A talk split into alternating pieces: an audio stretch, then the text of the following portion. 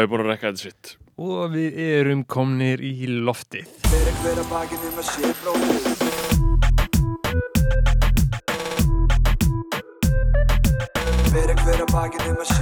eigi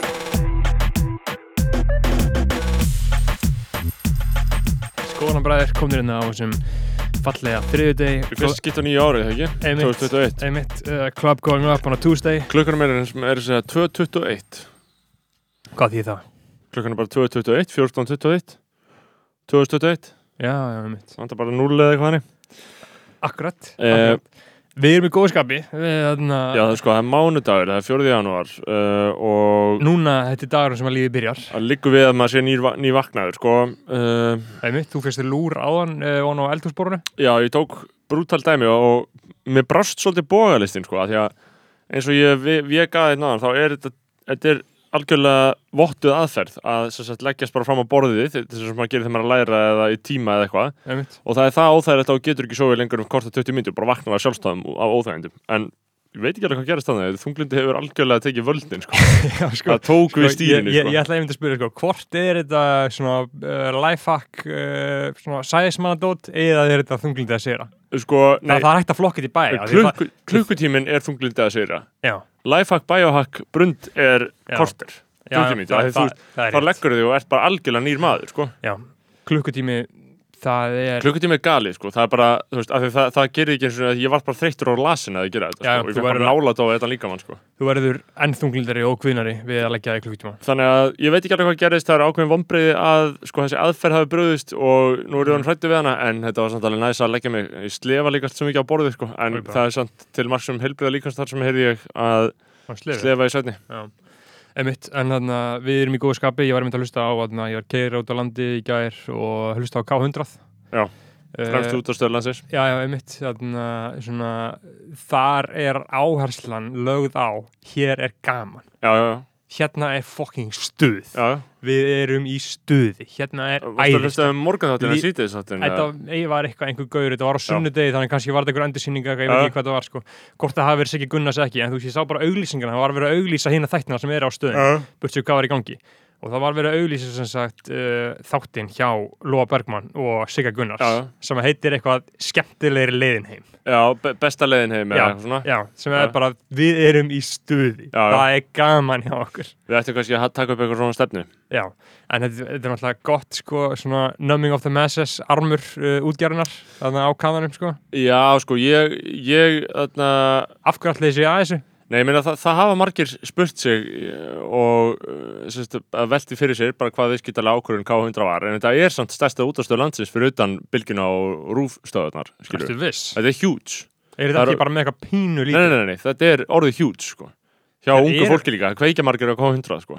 Og ég kveiki ofta á K100 sjálfur bara það er svona, svona allt í lægi poptónlist þannig að gangi skilur já, þú gætir lent á Eh, fínu lagi sko. Já, já, veist, þannig að ég kveiki á K100 maður kveikir á, ég meina, ég kveikti á útvarp 101 í gæri og þá hlustaði ég sjálf á mig og þig, ég kveikti held ég bara morgun, við erum stundum spilaðir þarna. Mhm. uh, ég veit ekki hvernig eða eftir hvað systemið það Já, gert, en það það- er bara einhvern veginn Það sem ég er bara næst, mér er mjög gaman að að Já, það er líka svo, svo fokkin fyndið, sko, þú veist, að þá líður manni eins og maður sé orðin, uh, þú veist, að maður sé í alvörun að gera eitthvað þegar þetta er komið útvarpið, sko, en það er svona gamla dæmið, En það, líði það þannig? Nei, já, en maður líður samt smá þannig að maður geti kveikt á útvarpinu og maður er að tala. Það er smá svona, mér finnst það smá svona eins og að, að þú veist, þetta er blekking, af því ég veit auðvitað Já. betur, ég veit að fleiri hlusta á hlaðvörp en útvarp, Mhm. uh, vænti ég, þannig að þú veist, það er í raun og veru meiri dreifing á þessu, en þetta er alltaf svona, þetta er ein heila blekking, þetta er eins með prent og vef, Mhm. miðla, skilur, ég var að lesa einhvern gamla leiðara hérna í, frá einhverju Time Magazine uh, prentútgáfu 2015 eitthvað ógíslega sem ég fann á hóteli um daginn ég var að lesa í því. Og þá var einmitt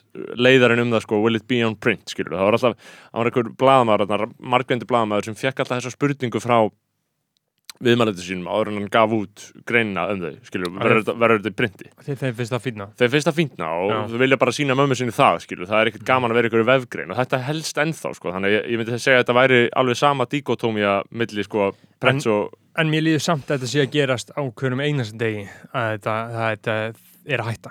Já, já, já, ég, ég hef enga trú á framtíð prentmiðla Nei. neins, neins sko, þó að mér finnst það fín, fín neysluleið sjálfur en ég get alveg séð fyrir mig samt að iPadin sé betri eða eitthvað en, en mér finnst mjög gaman að lesa blað í dagblæði en, en mér finnst, þú veist ég veit ekki, auðvitað, ef ég vil raunverulega fá upplýsingar inn, þá finnst mér best að lesa bara eitthvað fucking grein í símanum mín þar sem ég bara les það sem stendur Í skilurðu. símanum, já, ég les aldrei í símanum ég les mjög mikið af fréttum í símanum sko. ég ligg í símanum og les eitthvað drast sko.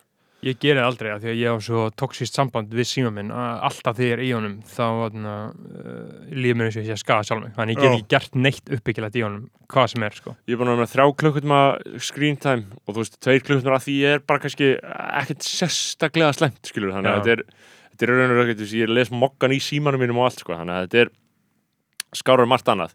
Ég var einmitt, að, ég var einmitt með atna, PDF af mokka dagsins hérna, og ég var að sjá uh, þannig að ég varpið í upp hérna, þá var ég að sjá stjórnusbána af því að ertu ekki búin að sjá núna kemur í öllum miðlum, núna um áramótunum kemur þess að það ógeðslega völvu spáin og það sem að Jú. miðlar segja bara eitthvað það kemur eitthvað svona, Bjarni Ben mun segja af sér eitthvað svona hefur ekki séð þegar þetta er gert, þú byrjandi eitthvað, já. kemur bara eitthvað kæftæði skilur, Mhm. völvan og stjórnusbán, það var meira sem verið að gera stjórnusbár uh, ég var í áramótapartí fámennu áramótapartí, ég var að Mhm. tala um tvær stelpur um, vöku og stelpur sem kær, kær, kærustu vinna hérna já, kæristu vinnum minna. Já, þetta voru ekki Eh, hvernmenn uh, sem að voru þarna uh, á sínum fúsum með frálsu vilja. Nei, þetta voru sem sagt kærasta Byrnis annars vegar og Flóna hins vegar. Það voru skilirtar að vera já, já. Uh, og þær voru báðar með einhverja svona algjör stjórnuspeiki snild fyrir mig. Uh, Mm. lásu eitthvað svona algjörst kjaftaði úr einhverju kjaftaði spilum, einhverju kjaftaði appi Mhm. eða kjaftaði strasli og ég hef náttúrulega, ég hef lent í ógöngum með stjórnusbár gagninu mínu þegar það, það er hvern fyrir litið að tala niður Já, til þess að sko. Það það. Uh, ég var ekkert mann að segja að ég var ekkert að tala um spænska vingunum að hún heldi sér yfir mig af því að ég var nefnt að segja hvað þetta væri veist, þetta er í raun og í grunninn ef að ég er að gagna þetta þá er ég bara eitthvað að segja að þetta sé kellingarlegt þú veist, það, það, er það er, það er svo miklu betra að trúa þessu stjórnarspeki og lifa eftir því í staðin fyrir að vera gaur, þekkir ekki gaur sem að talar eftir í svona business tungumáli sem Já. talar um frambóð og eftirspurn í öllu, já, bara svona mest svona pjúra basic business málinu. Þetta er svona svolítið svipaðar eh, svipaði pólar í samfélaginu sko. já svipuð svipaður réttrúnaður raun og veru sko, að, eða svona svipuð hjátrú sko, þetta er svona hjátrú einhverja leiti sko, og þessi Mhm. stjórninsbá getur alveg og skemmtileg þú veist, þannig séð. Já, en, en, uh, en þetta fyndið, þetta var skilur áttamanna partí eða eitthvað og tvær, tvær konur voru með eitthvað svona pælingar í ég held að þetta sé mjög vinsælt hjá stelpum og ég hef, mm ég hef gert grínaði, ég ætla ekki að gera það núna mér finnst það bara veistla og ég tók þátt í þessu eina stjórninsbáin sem ég tek marka á er eins og ég svo sem sagt áður, það er í mokkanum það er svona þægileg og stutt eins og þú, mm 3. júli eða ekki, jú, 3. júli, krabbi. Krabbi. Í dag segir fyrir þig þú munt bæta samskipti, þín, samskipti við þína nánustu á komandi ári með ánægilegum hætti. Gæludýr kemur á heimilið. Þetta er ekkert svo ólíklegt. Nei, þetta, þetta er ekki rosalega ólíklegt nei, gæludýr varst þú ekki með snák eða hvað ég, ég var með snák í pössun hjá mér í þrjár vikur ok, og þið langar í fisk Mér langar, mér langaði í fisk, en Mhm. eftir að hafa fengið snákin í passan, held ég að hafa verið þrjár vikur. Þá ólöglegt, er þetta- snákar ekki ólöglegir Þessi snákur ólegur, jú, Já. jú. Og þetta var frá vini mínum sem var að flytja eða eitthvað. Þetta var- og, þetta var og, skriðdýr með kallt blóð og það er náttúrulega ólíkt því að vera með snák inn í það, því að ég held að flesti sem að eiga gæl, gæludýr, uh, eiga gæludýr út af sjálfselskum ástæðum, því að vill eitthvað sem elskar sig, skilur Já. Hundurinn elskar þig. Já. Og það er eina ástæðan að hverju með hann. mm. þú ert ekki með hana því að þú vilt bjarga honum frá einhver hundasjaltur eða hvað sem er því langar í eitthvað til þess að elska þig sem er bara mjög gott og gilt og basic En það er samt sko, þú veist, að því að undir alveg kringstæðan væri ég alveg sammála þeirri kenningan. Ég veit samt ekki alveg hvort það sé alveg algilt. Þau, þetta fólk elskar þessi dýr líka, skilur, svo já, mikið. já, au- au- auðvitað en en þau elska það að þau elska sig Já, já, ég, ég get alveg ímyndið mér Hel- að elskaði snoppa okkur. nei, kettir er ekki alveg eins Kettir eru svo miklu vinstri menn, sko. já, já, kettir eru Kettir eru leftist og Já. hundar eru heimskir hægri menn. já, já, hundar eru sko uh, hundurinn Heimskir, heimski, heimski hafmyggi sami hægri maðurinn. Það er hundur, sko. já, hund, sko, hundurinn Dennis það er svona hundurinn sem ég þekki mest sko. Uh, hann er nazi Já, hann er nazi.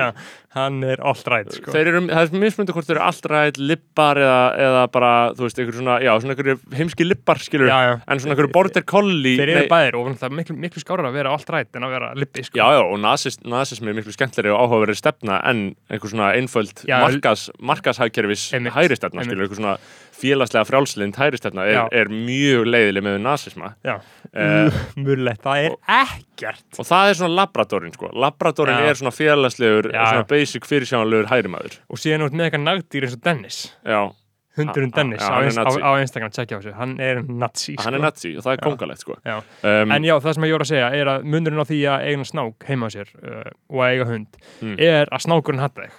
Já, snákurinn vill drepa þig. Já. þú ert að halda hann með í búri og hann myndi, ef hann gæti hann er bara ekki nógu þróað til þess að geta drepið þig Mm. hann vill stökka upp í rúmið þitt og stinga þig setja tennunum sínar utan á hálsiðin og geta þig. Já, það var, ég heyri einhvern mann sögu. Hefði ég sagt frá hann í skoðan bara mjög líka þegar, þegar þarna, einhver eigandi einhvers snáks uh, var átti snákin og Mm. bara leiði honum að, að fara um í íbúin sinni skilur, og í það bara vinir, skilur, þetta var Já. Þarna, og þau voru bara það góðu vinir. kirkisláka Ég veit ekki, já, er það ekki, er það ekki slanga, þú veist, eru Jú. slöngur eitthvað ekki kirkuslöngur, eða Ég eru ætla slöngur að- ekki bara, ég veit bara að slöngur eru eiturslöngur eða kirkisslöngur já, einmitt, en þú veist, er það ekki eitur snákur og kirkuslangar, svona almennt svona stóra slöngunar eru kirkuslöngur, er það líka eitrar, ég veit það ekki, Ég veit það ekki. bara þekki það ekki, Nei. en þetta var allan svona kirkuslanga, frekar en hitt, og, uh, en hún var bara lítil, skilur, held ég, og bara gæti ekki kirt eða eitthvað, og s- slangan fekk alltaf að fara um í íbúinu, þau voru bara mjög góði vinnir, og síðan eru þeir eitthvað svona, eitthvað mann, er hann eitthvað að tala með dýralækni eða eitthvað svona, og er að segja svona, sla- slangan er eitthvað svo skrítin, hún er alltaf að koma upp í rúm til mín, skilur, hún er alltaf að leggjast hjá mér í rúminu, uh, bara að kúra með mér, og þá var gaurin bara, já, ég myndi fucking læsa hann inni, af því að hún er að máta sig við þig, til þess að fucking kirkja þig að geta þig allan, oh, hún er að tjekka, ég fæ ég veit að hugsa þetta sko. ég hún er að leggjast hjá þig og máta hvernig hún er nógu stór til þess að geta þig.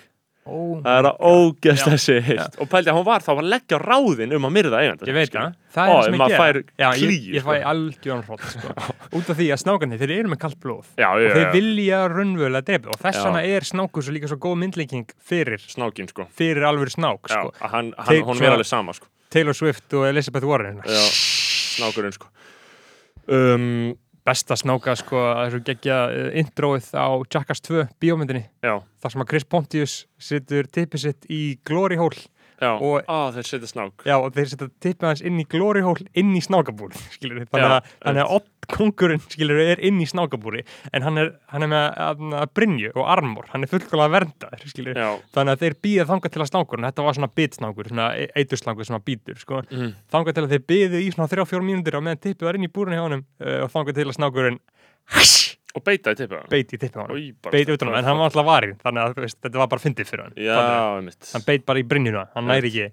En það er bara fyndið að láta snák býti tippið á sér. Já, sko, manst ekki, hvað var það aftur þegar fólk var að segja að það er snákur í grasinu? Ég man ekki hvað það var. Snákur í grasinu, það er mjög frækt þarna, uh, á nýtt íslenskt hip-hop uh, Já. á, á, á aðfangadag Emmitt, þegar Eh. Alexander Jarl postaði. Já, þegar að Jarl postaði á aðfangadag uh, 2014 Já, uh, þá postaði hann sem sagt í nýtt íslenskt hip-hop og Já. þetta var í fyrsta sinn sem að það var aðfokkað 2015. já, eða var þetta 2015 eitthvað, eitthvað svolítið, 2015 eða 14 Já, það er allan að Óli Kja tweetar sko 31. DS 2015 Já, á skrifum bara, ekkert annað en bara það er snákur í grasinu. já, já. Uh, ég held ég það hafi gerst 2014 sko. Já, uh, þá postaði Jarlinn Nei, Jarlinn gaf út Halleluja 2015, þetta var 2015, hann var búin gefa út. 15. Já, já, þetta var- þetta var 15, þetta var 15 Þá postaði Jarlinn í nýtt íslensk hip-hop uh, það er snákur í grasinu Mhm.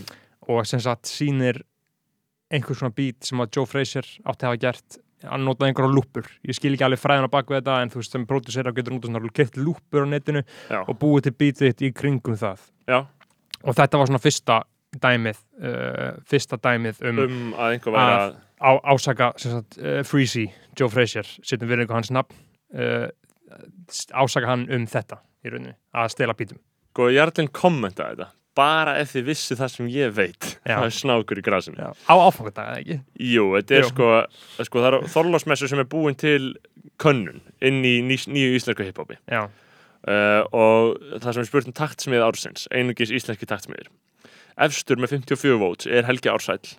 Uh, já, auðvitað, djúvill var hann fucking illaður. Já, þetta shit sem hann og Jarlinn voru að gera var svo fucking epist 54 54 votes. Uh, í öðru sæti er sem sagt Joe Fraser með 48 votes bara Mhm. þannig að benda eftir og svo er 47 votes er Martin sko. Mhm. og svo er I am Helgi með 20 og Emmy Beats með 36 og Push Whip með 13 uh, og svo framvegis og svo framvegis. Og þetta er sem sagt 23. Uh, 23. desember 2015 og uh, alls konar komment og alls konar eitthvað Emmi Beats vinnur þetta, Jón Bjarni nummer 1 og besti taktarsmiður landsins er ekki eins og lista og svo framvegs og Jarlinn kommentar bara ef þið vissi það sem ég veit það er snákur í græs Já. epísk komment uh, en síðan postar hann daginn eftir sko. já, þá postar hann sem sagt bítinu og lúpunni saman sko. Já. já, það er snákur í grasinu já þannig að aðteglisvert menningalegt Já, já. dæmi bara uh, mjög, mjög klassísk uppákoma og þessi uppákoma hefur verið uh, gerð upp sko. með Eh. hnetunni hjá þér eða Já, nei, sko, uh, við tölum eitthvað aðeins um þetta, sko, en náttúrulega herra, uh, ég er náttúrulega, sko, ég var að vinna á vísi hana og ég skrifaði fréttina um þegar þetta kom, sko, í annarsinn, hann með lappa, lappa, lappa inn hana. Uh, það var líka einhver taktur, sko, uh, en síðan var þetta alltaf gert upp, sko, í æðisjónu að serra núna.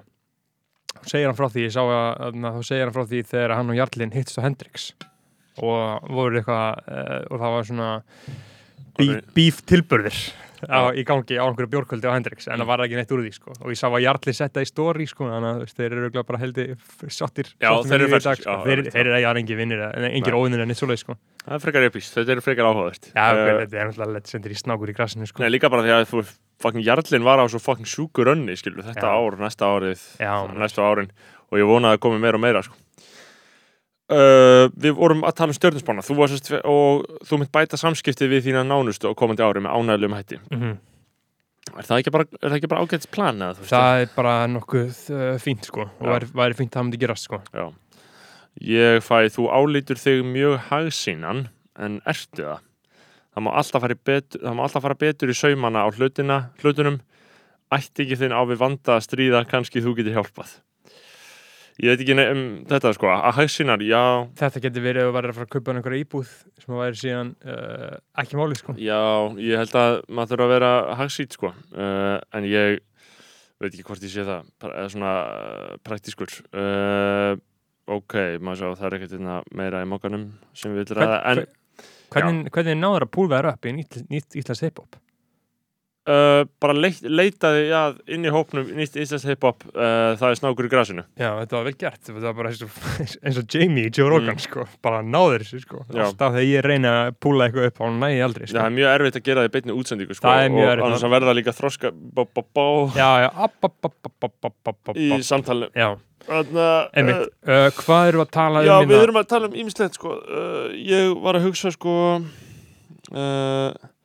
Sko, ég náttúrulega fór inn í uh, nýja árið, uh, var á Siglufyrði og klukkan 5 mínútur í 12 þá sem sagt tók ég upp síðan minn, að það taka mynda einhverjum flugveldum Mm. eitthvað og þá uh, sé ég messenger notification um að sem sagt að MF Doom hafi dáið. Já, væri dáin. Ég sá það bara akkurat 5 mínútur í sko og ég, svona, ég trúði ekki alveg skilur mér það, fannst það ekki að meika sens það sendi inn í group chat sko og ég bara what the fuck og vantilega bara fór að uh, googla þetta og fekk þetta þá staðfest sko. Fimm myndur í miðnætti. 5 mínútur í miðnandi sko. Þannig að áramótin voru heldi uh, skeggjuð sko. Mér Mm. finnst það mjög gott sko.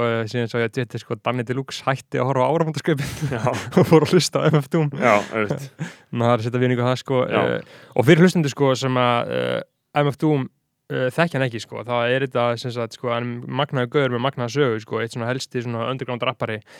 Uh, svona mjög framúrstefnulegur og þú veist maður þarf svona að horfa á hann, horfa á hann og hugsa að þú veist að til þess að einhver ger eitthvað þarf einhver að gera það fyrst mm til þess að Young Thug gæti eitthvað verið að skríkja og ískra og Playboy Carti gefa út sína blötu núna og allt svona, það þurfti alltaf að vera einhver sko, uh, sem gerði það fyrstur, skilur, Mhm. það þurfti að vera einhver sem að uh, fór út úr normunu til þess að annar geti farið enn í því og allt svoleið, sko, og MF Doom dó sem sagt uh, 31. oktober 49 ára að aldri og það sem er svo epist við þetta er hann dó 31. oktober og þetta var ekki tilkynnt desember ekki nei, Nei, oktober, wow, what? þetta var ekki tilkynnt í tvo mánu what the hell? fjölskyldan hans bara ákvaða að taka sitt uh, sorgarferli án fjölmiðla og án uh, aðteglis aðdáðanda og allar í kringum hann sko. Fokk, hvað er mikið með Ég veit þess það. og lag þetta svo bara Nei, síðan bara tilkynntu þau, síðan postuðu þau á Instagram sko, bara á gamlasta á gamlastak sko. þau vildur bara klára á þeir og gefa sér tvo mánuð þú veist, gaur, ég bara, ég sá eitthvað tweet sko, I respect the fuck out of that decision Já, ég er bara ok. alveg samla sko.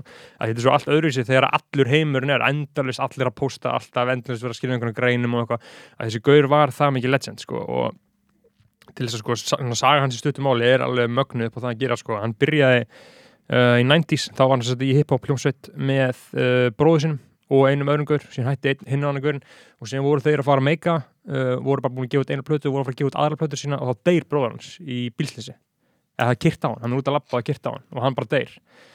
Og hann þarf bara einhvern veginn að átt að sjá því hvað hann ætlar að gera þeir voru bara hippa og hljómsveit saman skilur, þetta var eins og við varum með þetta podcast saman ætlar bara fucking huge áfall og allt svolítið fokast og síðan ætlar hann að gefa út plötuna sem þeir voru búin að taka upp saman sjálfur sem heit uh, Black Bastards en plötufyrirtæki vill ekki gera og droppa honum. Uh, sem sagt rifti samningunum við að um að gefa út þessa plötu. Og búið hans er dáinn, það er búið að droppa honum og hann er bara verður fimm ári lífans frá sko 94 upp í 99 sem engin veit hvað hann var að gera. Engin veit neitt og hann segir sko I dabbled with homelessness. Veist, það er eina sem hann hefur sagt um hennar tíma. Það veit engin neitt. Og síðan ára 99 kom hann tilbaka og gaf sem sagt út uh, Doomsday blöðuna uh, og svona, þá sem MF Doom. Og það sem er sko episkasta við sko MF Doom karakter, hann hétt ekki MF Doom fyrir þetta hann. Hétt uh, Doomilei en hann var með eitthvað annar rappnum, manningunni hvað Mhm. heitir sko og að hann gefur sér út þessa plötu ára 99 sem að slæði svolítið í gegn í svona undergroundinu sko. Og síðan hægt og rólega gefur hann út aðra plötur gefur út uh, vinstalasta platan er uh, Mad Villainy með Madlib kom út árið 2003 það hafa flesti sem hafa einhvern tíma tekið svona rap uh, tímapill alltaf flusta á það sko. Þetta er svona eina fyrstu plötunum sem maður á að, mm -hmm. sem maður á að detta inn í þannig sko. En það sem er sko besta við hann er sko hann er alltaf með grímu. Þú, þú, þú, þú, þú sé myndin á hann hann er alltaf með þessa grímu. Og hann byrjaði það ára 99 hann var með þessa grímu og byggir rauninni lífsitt á einhvers konar einhverjum svona villein í teiknumdasögu sem elskaði þegar hann var bann og hann þarna, hann, er, hann var aldrei sjálfur einhvern veginn rappari, hann var alltaf meira abstrakt konsept en það sko, hann var alltaf MF Doom sem að þýtti sko uh, uh, mask mask face, byrju Metal, nei, já, Metal Face Doom eða, eða Metal Fingers Doom eftir hvort hann var að rappa eða prodúsa það prodúsaði uh, mjög tölvara meira hluta af efninu sínu sjálfur sko. og það sem hann gerði var að hann sjálfur var afstæður þessum karakter skilur. þetta var bara karakter sem hann lék og síðan við spólum bara hrætta hann gefur út, uh, út Madvillain og gefur út MM, MMM Food og alls konar verður ókslega vinsall mjög underground og mjög faramúsefnilegur og skemmtilegur og síðan byrja hann alltaf að senda impostera á, eh, til þess að gigga fyrir sig skilur Já, hann var sem sagt að bara uh, bókaður og gig Mm. og hann, reyði einhvern gaur í vinnu til að setja á sig grímina og lipsinga með og fór bara til þetta epist og fór bara og bara, var bara imposter. Og þau voru kallaði sko doom posters út af þessu. Og það sem er sko stendur eiginlega mest upp úr við þessu með þá föttu í rauninu allir hvað sko koncept var, því hann, þá fór hann í viðtal hann er- fer eiginlega ekki neinn viðtal sko. Mhm. svo það er ekkert vita hvað maður gerir þessi fimm ár sem var í gangi en þá fer hann sér í viðtal og segir bara, já, MF Doom þetta er bara project Já, og ég er handriðshöfundurinn og ég er, le og ég er leikstjórin já. skilur, enda, enda mann ég bara fyrir mörgum árum þá skinniði ég sko ímynd, skinniði MF Doom sem eitthvað svona aðeins flóknara en bara einn, einn rappara skilur þetta er nefnilega miklu, miklu sko, flóknara en það sko. og síðan náttúrulega uh, sendur hann þess að Doom, Doom Posters uh, út um allt til að gigga fyrir sig og eitthvað svolítið sko. og síðan fer hann í Evropatúr árið 2010 sko. Mhm.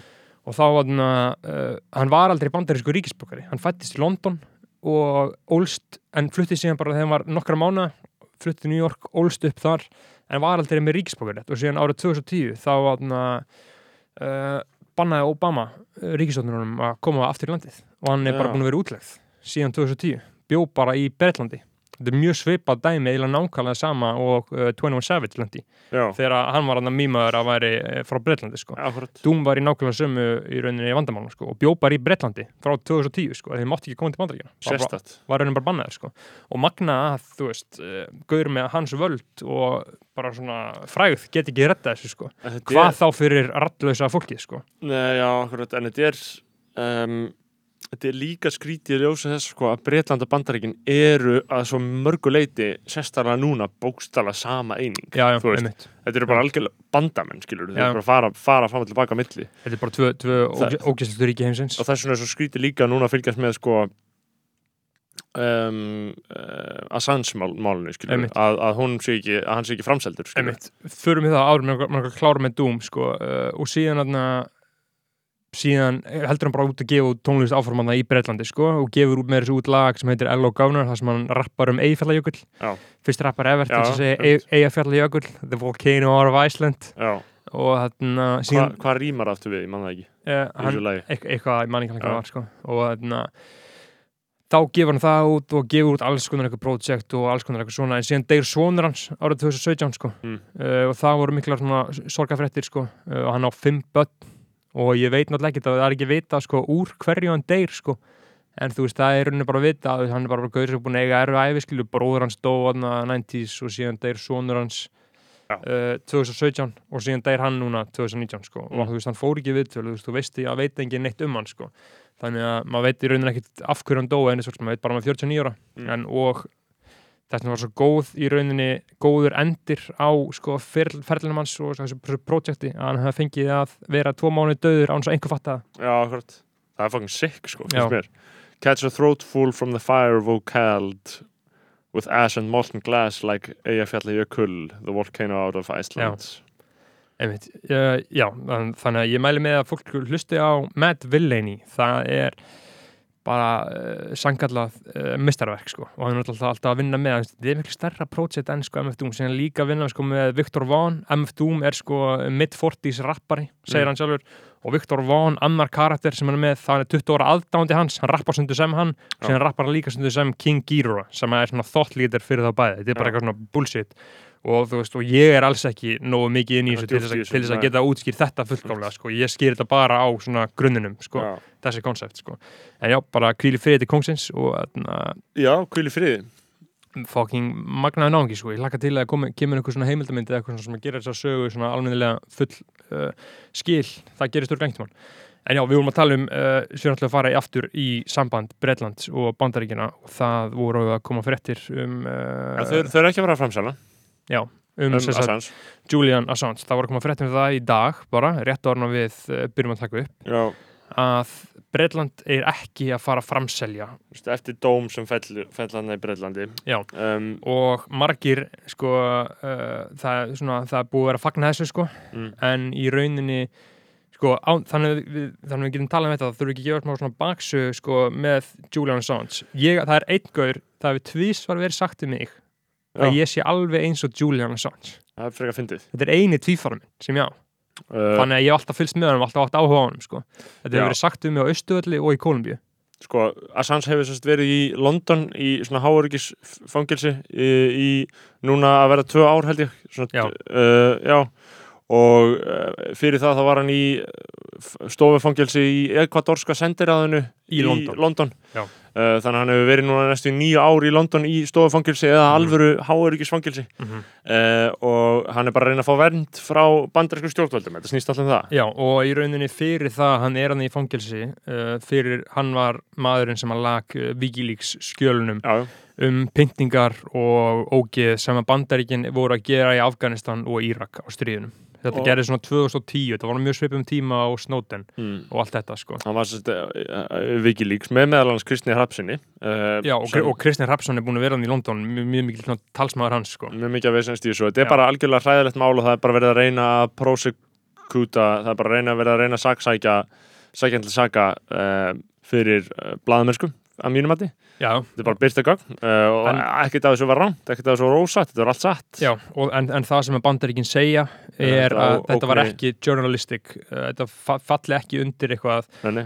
espionage act eða hvað sem það er, að þetta hafi bara verið hann að stela gögnum frá þeim en og þetta óknir blaðamennsku. þjóðururkið þeirra skilur Já. það, og þannig sé þetta landráð. Sem, sem er náttúrulega bara fullkomi, fullkomi pjúra, pjúra bullshit. Já, og núna bara hefur, ban- hafa sagt bara verið að reyna að gera allt til þess að fá hann til sín og það, það Já. hefur verið talað um það að þú veist að ef að hann er framseldur til bandaríkinn þá er Mhm. þetta gjörsanlega búið fyrir hann uh, og bandaríkin er búin að vinna mjög steddi að því að sko særa æru hans sko, Já, já, að gera hann bara að, að, drasl sko að, að illmenni sko, eins og þessi uh, nöðgunarkæra í Svíþjóð sem Já. var á honum í nýju ár Mm. mm. hún bara felt niður bara hvað í fyrra eða eitthvað alltaf bara verið að kalla nöðgara í Svíþjóð sem hann gerði ekkert sko. Það var, bara, það var bara staðfest, það var bara pjúra rattfökk og bullshit sko. Þannig að þetta er svona mjög, mjög vond mál. En hann er allan að ágæta fréttir að þetta sé að hann sé ekki að fara til en- allan ennum sinn En málið sko, ég var að lesa uh, Glenn Greenwald og með góðan uh, Twitter þráð um þetta sko, Mm. þannig að það sem að gerast í Breitlandi núna, það var verið að var réttiröldurinn yfir honum eftir að hann búin að vera einhverju mjög high security fangilsi hann í London sko, Já. þetta er bara svona notoriously ógislegt Já, fangilsi hann er bara sko.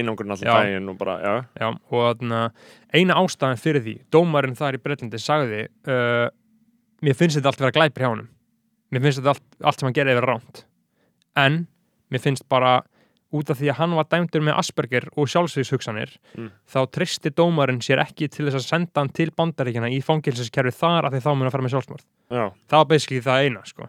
þannig að þetta er raunin ekkert segur fyrir blaðamennsku eða freedom of the press eða neitt svoleið sko. nei, nei, þetta er bara frestun á hans Já, sko, en þetta er svona ákveð tvist samt skilur, dómarinn hlýtur að segja þetta þó hann sé ekki eitthvað endilega að meina þetta, en ég veit ekki, ég veit ekki sérstaklega mikið um þetta mál, en ég bara auðvitað stið það að, að, uh, að sans uh, já, ég veit ekki einu sinni hvað maður getur sagt, fáið frelsi að því að ef hann væri frjáls, það er hann bara tekin og bara, Já. þú veist Þetta er bara ógnar vald stórveldana, skilur, þú getur ekki gert neitt gagvart bandaríska hernum eða bandarísku stjórninni, skilur, þú mátt þín einskis. og, Eh. og núna er verið að vinna í því sko, hvort hann fái að þau núna fyrir alltaf aftur í fangilsi á meðan hann býður sko. Já, en núna er verið að vinna í einhvers konar uh, beili sko. já, og ástæðan akkur þetta er í rauninni svona mikilvægt eða akkur allir er svo mikið spáðið sem og bara allir íslenski fjölmjölar skrifum þetta og allt svona þetta er bara svona rosa uh, ristóra fréttir út af því að ef að hann kemst undan þá er hann kannski fyrsti sem að kemst undan ógnarstjórn bandaríkjana sko, Já, sem að þau ná ekki rattfaka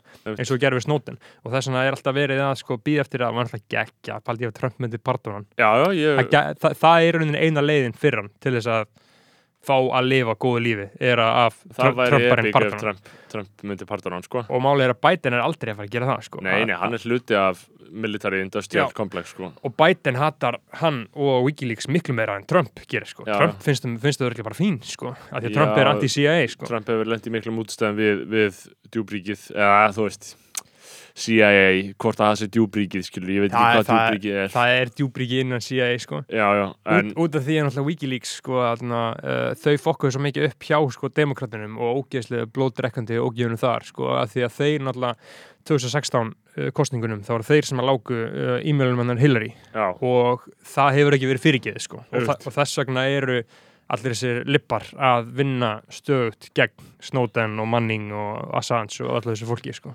og í libbatni maður, svo fokkilega um, þeir eru Já. svo fucking ömulegir þeir eru sástu þarna uh, sástu, horfðuru á kryddsíldina uh, Nei, ég horfði ekki á kryddsýndina sástu, er, er Ég horfði ekki á kryddsýndina Sá, ég... sástu bjarnað ekki? eða? Nei, hvað, var, ekki, var ekki fólk með eitthvað skilti fyrir aftan hann? Ég man ekki alveg af hvernig þetta aðtökaðist en ég bara, fó, já, heyrðu, þetta er nú svo sem bara tilhengið til þess að reyna þess að við stöð 2 og vísi, akkur, þú veist, ef þú byrjar ekki að horfa hlutina á slæginu hjá þeim, þá getur ekki spólað tilbaka, sko. á netinu? Já, ok, já beina útsendingarnir er svo Vá- ég nefndi ekki að horfa á þetta frá 14.50, skilur. vákað það er. Já. En það var ástæðan. Hvað hva, hva gerir sem bjarna? uh, Bjarni náttúrulega var harð svíraður oppi sko. Já, hann, hann bara mætti og rústaði Ger sér það. Já. Hann er bara búin að mæta í viðtölu sem þetta gerist og rústa. og bara valtar yfir allt fólki Rústa, já. bara með stæla og yfirgang Já. og ofbeldi Já, bara king. rústar Þetta er, þú veist, það á ekki sér sér og Nei. þetta er svo fokkin fyndin staða. og, og, og Hann getur gert það sem hann vill. já, þe- þetta er svo fyndin stað út af því að hann er bara búin að fatta ok, ég er ekki að fara að ná neinu nýju fólkin ég er Nei. bara búin að fokka það mikið ég er bara búin að það búlsita það mikið að ég er ekki að fara að ná neinu nýju, nýju fólki fram Mm. en ég þarf að halda mínu fólki Já, ég þarf að halda þeim með mér já, já, ég meina það er ákveð sjónamið. Sko, Gunnar Sm- Smári er búin að skrifa endalist ljótt um Bjarna. Uh, Gunnar, Gunnar Smári er líka komin að smá svona Trump-dæmi, sko, hann segja Bjarni er kannski vesti stjórnmálamæður Já. Íslandsveinar. það er ekki ekki Þetta er svo fucking marklust að segja kannski. En Mm. uh, hann er búin að tala um, hann skrifaði eitthvað greið sem er alveg sæðilega vond um Bjarna, sko, um að, að þegar maður segja, sko, að að þjóðin tristi Bjarni ekki Mhm. en að, að þið fjölmjöla láti eins og við tristum honum. Uh, en þetta er samt svona ákveðin samsæðskenning bara, mér, er alveg saman það. En ég er samt meira að hugsa um hérna, Bjarnar sem king. Þú veist það, það snertir enginn á þessu hann er uh, hann rústaði kastlösi, rústaði kryddsýllinni voru ekki einhverju mótmælendur fyrir utan gluggan jú, mótmældi fyrir hann sko. En alltaf þú veist, jú, hann, hann auðvitað hann rústaði hana, skilur, en hann var samt maður sá hvíðan leka af honum, sko. Hann sá að hann, að því hann alltaf uh, breytti um uh, þarna ópenverlega breytti hann um stefnu. Í kastljósinu, skilur, þá var hann svona smá sá, sá smá af sér þarna var hann bara fokk ykkur öll, hvað Já. er að ykkur? Hvernig dirfisti Já, að segja þetta já. við mig. En sko málið með þetta líka er að þú veist, þannig þværenda bara af sér og núna er það bara, í hvert skipt sem þetta verður nefnt hérna af, verður það bara reyðin Já, og, og, og bræðin. En svo líka sko sér maður að því að ef maður hugsa um bara svona bara pólitíska landslægi í þessu þá þá sér maður núna að þú ert með frétt á ég manna að það var um gamlanskvöld þá var frétt á vísi eða eitthvað svoleiðis á, um að Katrín væri að byggla til fólks að fara varlega um ármáðin uh, hún hefði bara nefnt eitthvað í títi að tísti bara veitum að fara varlega vísir einhver frétt og þá er bara fjöldi kommenta skilur öll kommentin bara Mhm. en Bjarni, já, já, Já. en Bjarni, ger eins og Bjarni, við sem að vera eins og Bjarni, Já. já, þú, Kata, ég vil ekki bara vera eins og Bjarni, eitthvað svona, og ég hugsaði, þú veist, þetta er búið að rýra trúverðuleika þeirra alveg, þú veist, Fullkomlega. að, að leifa þess að ganga, þú veist, að því að maður hugsaði, þú veist, þetta er svo vond fyrir trúverðuleika, þú veist, það er alltaf einhver sem mun segja þetta, alltaf við öllu sem þið segja, þú get ekki lengur, þú veist, ímyndar að vera stjórnvöld til þessu stöðu, þú getur ekki lengur sagt fólki að fara varlega, Mhm. að því fólk er, segir bara fokka þér, þið gera það ekki sjálf Mhm.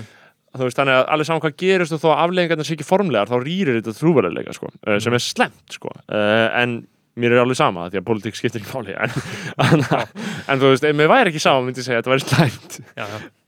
en annars er náttúrulega líka mikið að gerast í pólitíkinu núna, sko, sem er þetta hræðilegu bóluefna deilur sem eru episk content ef maður fylgir, fylgist með því hvernig er verið að deila um þetta já, ég fylgist ekki með, sko. Nei, Ég uh, sé ekki neitt, ég vil bara vita sko hvort að uh, Þórulega Kára takist að fá Pfizer pröðdóðið. Já, í stuttum áli þá snýst gaggrinni núna að mörgu leiti um sko, eða svona allana uh, gaggrinni á stjórnvöld fyrir að hafa ekki verið nú fljót að fá bara bóluöfni sem er í bóði uh, Mm og uh, þetta er svona, þú veist við erum alveg á sama plani og öll ennur ESB-ríki við erum alveg á sama stað, við erum ekki eftirbátur ennar ESB-ríkja, við erum sannlega eftirbátur einmitt núna, já, jú einmitt núna eru eftirbátur til dæmis Ísraelsmanna.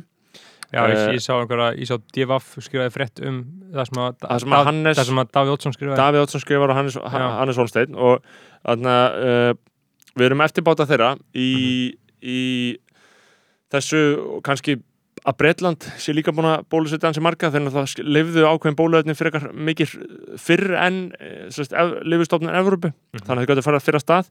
Þannig að einmitt núna, eins og sækir standa þá eru við eh, eitthvað, þú veist, aðeins á eftir þeim. Uh, og þetta hefur orðið ólía á eld uh, annars vegar þeirra sem hata Svandis Svástóttur Mhm. Og hins vegar þeirra sem eru á móti Evrópasambandinu þá er þetta að segja að Evrópasambandi hafi klúrað Já. og með því að við förum í samflót með Evrópasambandinu þá séum við að klúra þessu. Og hvort tekja, þú veist er ekkert eitthvað rámt, per se? Simmi var mikið að tala um þetta í kryddildinu sko. já, Simmi Davíð, já, Simmi Davíð, að, að, við séum að setja öll okkar ekki í eina korfu með því að fara bara með Evrópasambandinu í staðan fyrir að vera og veist, og þetta er náttúrulega þetta eru ekkert vittlösi menn sem er að segja þetta. Þau vita alveg jafn vel og ég og þú að Ísland er ekki að fara að samþykja neitt djöfisins fucking liv hérna með livjastofnun hvað eru íslensku, hvað heitir þetta, livjastofnun livjastofnun. Íslands? Ég veit það ekki. þeir eru fucking tíu starfsmenn sem vinna frá 8 til 4 eru þau að fara að Mhm. samþykja eitthvað bóluefni skilur, við höfum eitthvað fórsætti til að gera það skilur, þannig að að pressa það finnst mér vera fárlegt að segja að við ættum að gera svo breytar skilur, að samþykja Mhm. okkar eigin bóluefni bara eins og þau gera skilur, við þurfum auðvitað að taka mið af lifurstofnun Európu uh, hitt er það náttúrulega bara spurning stóra spurningin er líka bara því Þorlundi Kjartansson skrifar sem er svona hann er svona deglu armi sjálfstæðisflokksins uh, hann er skrifar deglu.is grein sem ég las í Mhm. dag og það sem er að uh, tala um þetta bóluefni hann er svona svol- aðeins meira Evrópa hallandi en, en hinni sko. þetta er svona svo mikið um bara að koma að höggja Evrópusambandi sko. Og, og ég held að það, það, það er náttúrulega eitthvað til í þeirri gaggrinni Hva, sko. hvað finnst Guðlaugi Þór um Európa-samband? sko, Er hann ekki svona sem í svona næstu eða? jú, Guðlaug Þór er svolítið deglu megin í því ég, sko. hann er svolítið ESB og hann er svolítið það þú, Það þú, væri náttúrulega æðislegt að sjá sjálfstæðisflokkin algjörlega bara splundrast. já, ég meina, þú veist, og Bjarni hefur reynd að dansa hann dans Bjarni er ekki jafn mikið Evrópa og Guðlaug Þór, skilur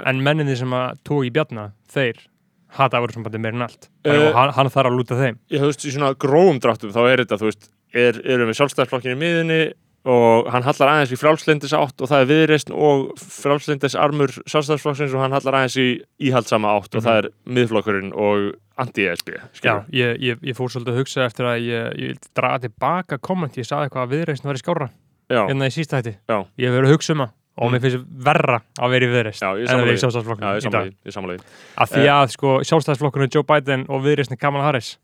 Já, örglega hægt að mynda eitthvað þannig línur sko, en minnst bara verið svo plebbarætt uh, en uh, nei, þannig að það er verið að deila um þetta og, og þú veist, við auðvitað viljum fá bóluefni sem hraðast, skilur, en þú veist krafa krafa fólk sem er að segja að við þurfum að fá bóluefni bara núna, skilur, þú veist, þá væri það bara eitthvað að tróða okkur fram í röðuna og minna, Mhm. Ísrael er sko kjarnorkuveldi Mhm. í, sem er hlut eiginlega bara Ég- landsvæði bandaríkjana Já, ég, ég átti smá epiphany með Ísrael og Palestínu deiluna núna um helgina sko, eftir ég fattaði sko að uh, ég hafði aldrei svona kynnt mér þetta neitt rosalega mikið Mm. bara svona vita og þetta, já þeir gera þetta og einhvern veginn svona, svona en þú veist, ég vissi ekki að Palestína ég, ég hafði ekki vita þá staðarind að Palestín, bara Palestine fyrir þeim er ekki til og Google Maps tekur undir það. þú getur ekki Google Maps að Palestín þetta er bara ríki sem að er ekki til. Og bandaríkjum viðkjöna ekki skilur Já, sanga þeim, ég vissi ekki að það væri alveg, uh, að því ég hafði heyrt já viðurkenningi, ég held að þá bara viðurkenningi eitthvað ég veit það ekki, eitthvað svona stjórnar, sáttmála, bla bla bla, bullshit, skilur en þau bara raunverulega fyrir þeim sem eru pró-Ísraelítar þeir viðurkenna ekki að Palestína landið sé til Nei, nefnum bara við þetta er ekki til veist, þeim. ekki að þetta sé sko, þetta er ekki viðkjönt ríki, já. Já, þú getur ekki Google Mapsað Palestínu. Og þess vegna náttúrulega að einhverju leiti var, var það svona djarft að gera þetta í Eurovision, skilur, þetta er Já. algjörlega sturlu pólitísk rosalega upprópun hann í Eurovision, sko. Um, og já, bara gott stöf, sko Einmitt, Hvað hvað- hvað voru að tala um? Við vorum að tala um þetta bólöfningskjæftið og bara, við þurfum bara að býða við þurfum bara að býða, við fáum þetta endanum ég held að ég var eitthvað að reiknað út í morgun í minni þunglindi skeðsíki að Já, með AstraZeneca, Moderna og uh, Pfizer þá Já. erum við komið þá skamta sem við þurfum fyrir kjærð, hjarðanámi og ég til ekkert óraðinn eftir að við fáum, verðum komið þetta svona mars-april þar sé alla sk- skamtana sem við þurfum, þurfum. En þetta getur við algjörlega falskt Ég er bara, einmitt, ég, ég, ég vil ekki einmitt fara í þunglindisjæðsíkina þína að reyna að þetta út og reyna Nei. að hugsa um þetta. Ég vil bara býða og sjá þangað til fæða og vona innilega ímynda þegar að myndi koma að Já, við, við fáum að vera tilhörnaverkefni Ég hitti það sko, hvort það við fáum það. Og ég er ekki bjartinn það. Nei. ég er ekki bjartinn um að, um að kára þeir geti það sko. Ég bara sé ekki akkur ætti að gera þetta í Íslandi. Uh, en Herru, ég las hann uh, mjög gott viðtalið Bubba Mortens í uh, stundinni. Já. Veitil hann var að selja sér listaverk og eitthvað svona sko. Mm -hmm. uh, og hann var að tala um sko uh, stjættaskiptingu á Íslandi og hvað hann hefði verið svífurtur í blöðum endalust daginn út, daginn inn, bara allt 70s, á sín 80s tíma, fyrir að skrifa ekki rétt já, bara fyrir það að skrifa ekki rétt. Mm. Og, og, og síðan er hann bara með texta bara eitthvað svona alvöru ljóðrönd shit sem að sogast inn í uh, hjarta sálunar já, en samt var við alltaf verið að eh, hann fyrir það að skrifa ekki rétt þá fór ég að hugsa sko uh, er þetta ennþá svona? Er fólk ennþá með svona mikið á heilanum að já, þú þurfur að skrifa já, já, Rétt. já, já, já. Þetta er alveg sæðilegt sko. en er, er þetta ofnbæðilega bara í einhverjum pislum og frettablaðinu og mokkanum eða að því ef, ef, þú- ef þú hugsaður um þetta Bubi Mortens, bara legendary söngaskáld uh, gert fullt af lögum, síðan þú tekur íslenska rappar í dag, bara gíslabóma Mhm. bara gert bara eitthvað stótt sem er on par við Bubba. Já, uh, og hann skrifar öðruvísi já, skilur, hann notar bara ekki íslenska stafi og alltaf litla stafi og svona sko, sko skrifar alltaf öðruvísi en almenningur. Já, ég, ég myndi segja að fordamatnir hefðu uh, mildast. Ég myndi segja að uh, ég held að ef einhver aðili myndi skrifa grein þar sem hann væri bara eitthvað að hakka eitthvað í sig fyrir stafsetningu, þá myndi Já. auðvitað fá baklas og bara eitthvað, hvað, þú veist hvað þetta segja? Það er Já, bara þeir, skilur rétt eins og bara þegar ég tóku niður eitthvað gaur á Twitter sem var bara eitthvað aðeins að gera grína einhverjum Já. málfari hjá einhverjum aumingja. Mm -hmm. uh, og ságauður eitt í tístunum sín og baðs afsökunar þannig að þú veist uh, og ég fekk algjör svona oh fuck, sorry að ég gerði þetta við Já. ég, þarna, og ég lækaði afsökunar ég fekk massa samvinskupið yfir að vera svona ógæslega kótur í Twitter sem fyrir að reyna að taka fólk niður sko. En það er ekkert ógislega en, hann, að, veist, en þetta var svona áttu rétt á sér þetta átti rétt á sér þú veist, af því að þetta skapar ekki gott umhverfi ef við erum, þú veist, að því að ég eins og, eins og maður heyrir á mjög mikið af fólki þá talar það um, og ég bara tala við mig sérstaklega oft talar um að það sé hrætt við að nota íslensku Mhm. hvort sem það er að skrifa eða og það er náttúrulega sko, það þyrfti náttúrulega eins að kafa ofan í það sko, uh, sér íslenska áhugamál að lesa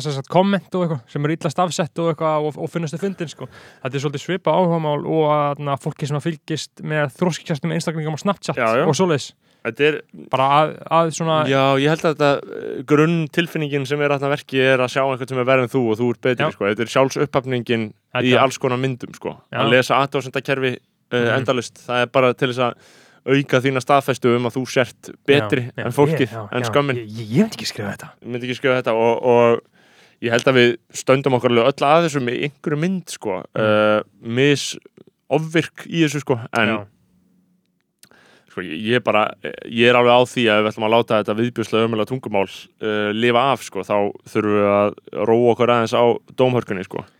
Uh, og líka bara þú veist, fólk sem er, tekur aðra niður fyrir þeirra málfar og stafsetningu eru er yfirlt mjög alvarlega mikli lúsarar sko. Já. uh, nýst það svolítið bara að vera málið sko.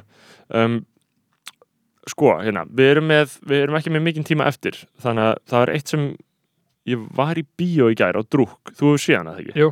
fannst það ekki góð, Jú, Kingmynd Kingmynd, mér finnst það Kingmynd mm uh, naut mín bara, ég fór í bíó Paradís.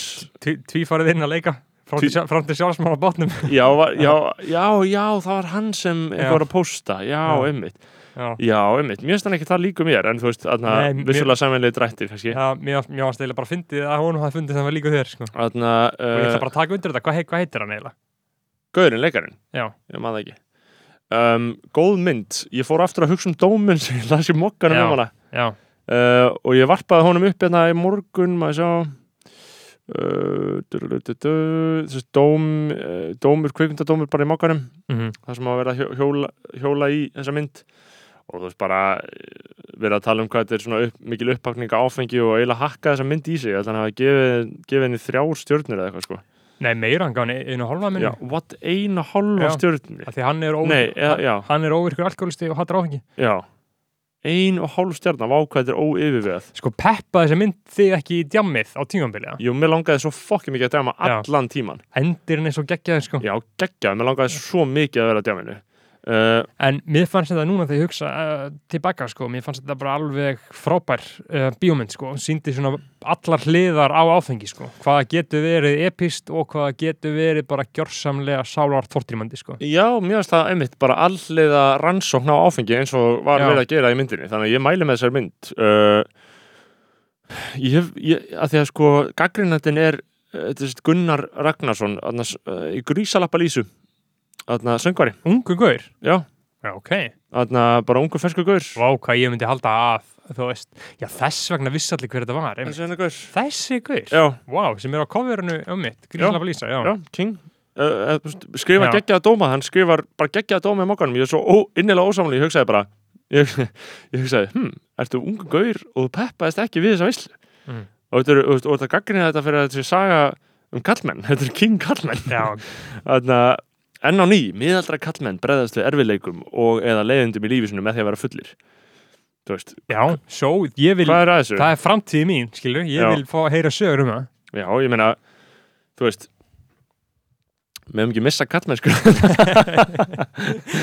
Þarna, en sko Þetta er eins og við, uh, ef einhver, einhver gaggrinir kynjarhutföldin, þetta er um okkar. já, þá erum við ekkert að, þú veist, uh, vera eitthvað sexist eða neitt svoleið, sko. Nei. Við erum sérst bara að segja sögur kallmanna. já, við erum að reyna að valdefla Já, valdefla unga kall já, já. það er bara alveg það að gerast. Já, uh, sko uh, Já, þannig að ég var ánægð með þessa mynd Ég mæli menni, því farið Bíóparadís fá eitthvað pop í kvöldmatinn uh, Já. Fucking nice bíó Já. uh, Og þessi besti salunum með það. Besti salunum er mjög góður, sko. Bara þarna beint hægri Já, þegar maður beint- kemur inn. beint hægri Já, upp, Hann ferskur sko Ingeborg Sólrún var þarna Veit ekki hver er Nice. hver sko Nice. uh, ég Er mæli- það, veist, er það ólulegt að segja frá því. Uh, nei, nei, ég held að sé allt í sko. Ég að. Fucking King King Ingeborg er það? Kingeborg Sólrún Já, hún er King sko? Já, hún er King Ok, ok, þú, þú, þú með það. Uh, ég mæli líka með hinu myndinum af leiksörunum sem að gera hans, drukk. hans Vinterberg. Thomas, Thomas Winterberg sko, eh, fest, festen En ég, líka bara- ég, vissið þú að þeir uh, festin var sett upp í þjóðleikúsinu leikrit, Nei, hvað er þetta, Vistlan eða hvað er? Svolítið, ég vissi ekki. Ég, ég sko en þú veist það sem, ok, að, að, þannig ég útskýri þessa mynd, drukk þetta er sérst mynd um fjóra þunglinda kennara sem ákveða að gera tilraun með áfengi þar sem þeir uh, eru alltaf smáfullir, bara allan daginn. Og Já, þeir, þeir eru rauninni að mikrodósa áfengi. Já, það hefur svona margvíslega áhrif. Uh, og þau tala um 0,05 ég held að það sé rétt yfir Alltaf sé tvei bjórar eða? Já, ég held að það sé rétt yfir því sem þú mátt ekki keira sko. Ég held að ég held að löglega áfengismörk í blóði uh, áfengis hafi verið sko, það var náttúrulega lækkað í 0 eða eitthvað sem var algjört svona eitthvað já, sko, refsimörk eru miðið mitt við 0 0,5 prómil. Já. og þetta er nákvæmlega það sko, þannig að þetta eru svona cirka 1-2 bjórar, þeir eiga alltaf að vera bara svona þar the, svona, á, á þessum á þessum uh, sweet, sweet spot. Já, og mæla sko uh, hversu mikið lífið þeirra bætist við á. og bara prófa. Og, og bara áhugaverð mynd en ég fór bara, maður hugsa svo mikið um áfengi þegar maður er að horfa á þetta sko, ég væri svo fucking til í að vera fucking hörðu djammi þarna en ég hugsaði samt sko að því að ég fór uh, það er eitt skiptið sem ég fór að fara á bara svona alveg halkari djam Mhm. uh, og þar hugsaði ég skilur um, ég veist, eftir að- gamlás að ég var það þunnur að ég bara vissi ekki alveg hvort ég myndi lifa það af. Mhm. uh, að því ég drakk, þú veist, bara ógæslega mikið áfengi og síðan bara, þú veist síðustu klukkunum á kvöldsins, þetta er eitthvað sem maður gerir ekki nema að sé gamla skvöld þú veist, bara svona frá þrjú eða eitthvað, þá var ég bara að þá voru við bara að drekka viski og viski og viski. Oj, viski glas eftir viski glas Oj. og voru að reykja vindla inni og eitthvað. Og og þú veist ég, Það er svo fucking whack að reykja vindla á gamla sko. ég var líka bara að segja Hvaða stórkalla læti eru það? stró, strá, Hvaða strákarnir, bullshit það? strákarnir kaupa þessa vindla og ég segi bara, þú veist, það er eins og ég sé að fara ásvátt í skólafélagsins Já, sko. það er, það er bara, þeir eru kortir í að panta einhver þeir, og keira um í henni á það bara ársóti eins og, og, eins, og, eins og mentaskólinn er maður að fara ásvöldið Já. og gera þetta en veist, en þú veist þegar vindillin er þarna þá er þetta bara góð slemning, skilur uh, en uh, ba, ba, ba, já, og bara viski og viski og, veist, og ég vaknaði, fór að sofa kláðan 6 að 7 og vaknaði og ég var bara, ég, þetta var algjörlega óbærilegt, þetta var óbærileg svarsviki í augunum og, og bara augunum og ég gæti ekki, þú veist, þetta er svona, þú getur ekki verið neinni stellingu nefn, þú veist, án þess að, sé verkur, skilur, getur ekki komið neinst að fyrir. Já. þannig að eina trikkið er bara að fá sér eitthvað svona eitt munnbytta mat íbúfæðum parataps vatn og fara aftur og sofa og vona að vatni betri. Og það var svona Mm. næstu það sem gerist. En sko þegar ég sá þess vegna í drúk, þegar ég sá djam, djam, djammið Mhm. þá hugsaði ég allan tíma bara, ég get ekki gert það. Ég get ekki drukkið svona mikið áfengi. Ég fæ, þetta- ég fæ bara ónæfis viðbröð, ég var þunnur í tvo daga skilur, Mhm. ég var virkilega þunnur daginn eftir líka skilur og í hvað þetta er ógæðslegt maður, fokk hvað þetta er ógæðslegt Áfengi er uh, raunverulegt eitur. Áfengi, engin venjuleg neysluvara eins og segir hérna hjá land, landlæðin mm en góð mynd samt, fín mynd og, og ég var, mér langar svo fokkja mikið á djamið ég, með, með, þú veist, þetta gamla áramdapartíð var líka fínt, en þú veist ó, ég, ég týsti því að mér leiði eins og ég væri fastur í eilífu fyrirpartíð, sko, Já, að það voru svo fáir skilur Mhm. uh, einmitt uh, Ég bara hlaka til þegar þetta opnar allt sko. En já, þarna, hvað er, hvað er já, já, við erum kannum við 52 mínútur eitthvað, við erum ekki bara Jú, ég held að við séum bara, Bara svolítið búinir að segja það sem að þurft að segja í dag sko, uh, ég er út úr gasaður, sko. Ekki á morgun heldur hinn, þá er hátíða dagur Besti dagur ásins uh, hvað? Þrettándin, 13. þá já, er jólinn loksins búinn já, fokk það er enda væri, það, er til til að fa- fagna, sko. Já, það, það þyrti sko, maður þyrti sko að sapna saman mönnum sem hata jólinn og fagna þrettándanum ég væri til að Ærlega. halda jólin, eða halda alveg hátíð á 13. Já, sko, er búin. rauninu loksins er þetta þessi fucking ofbeldishátíð búinn Já, þannig að kæru hlustnöðu, njóti 13. Uh, hann er á morgun, njóti þess að kveðja jólin með stæl uh, þessa slæmu slæmu hræðilega hátíð Þessa viðbjóðslu ofbeldishátíð og uh, ég byrði ykkur vel að lifa Það var gott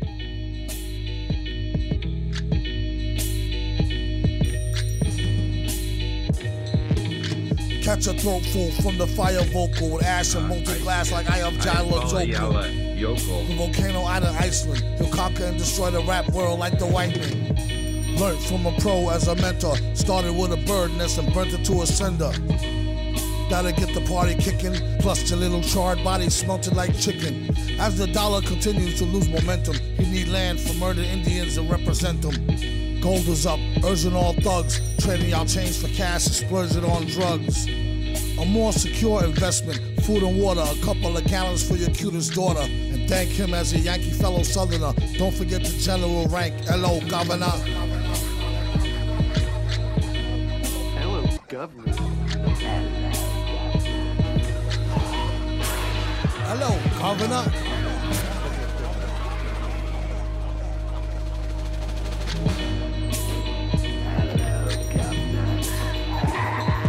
Vocals spill over like the rolling hills of Dover or the Gulf, all disaster preferred and after. Depends on your status or your stature, whether you benefit from the prior or the latter. Get the fatter check split. And how much for a hundred thousand tons of correct shit? Sell a Chinese half price seafood. Prices like a real nice street dude.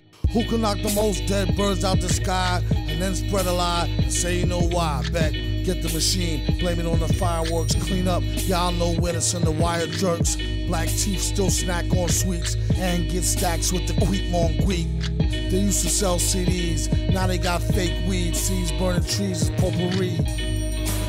Buyer beware, to tell us one liar, sire, be fair. At least untie her hair from the chair while I'm here. I hate play loving her, JJ for governor.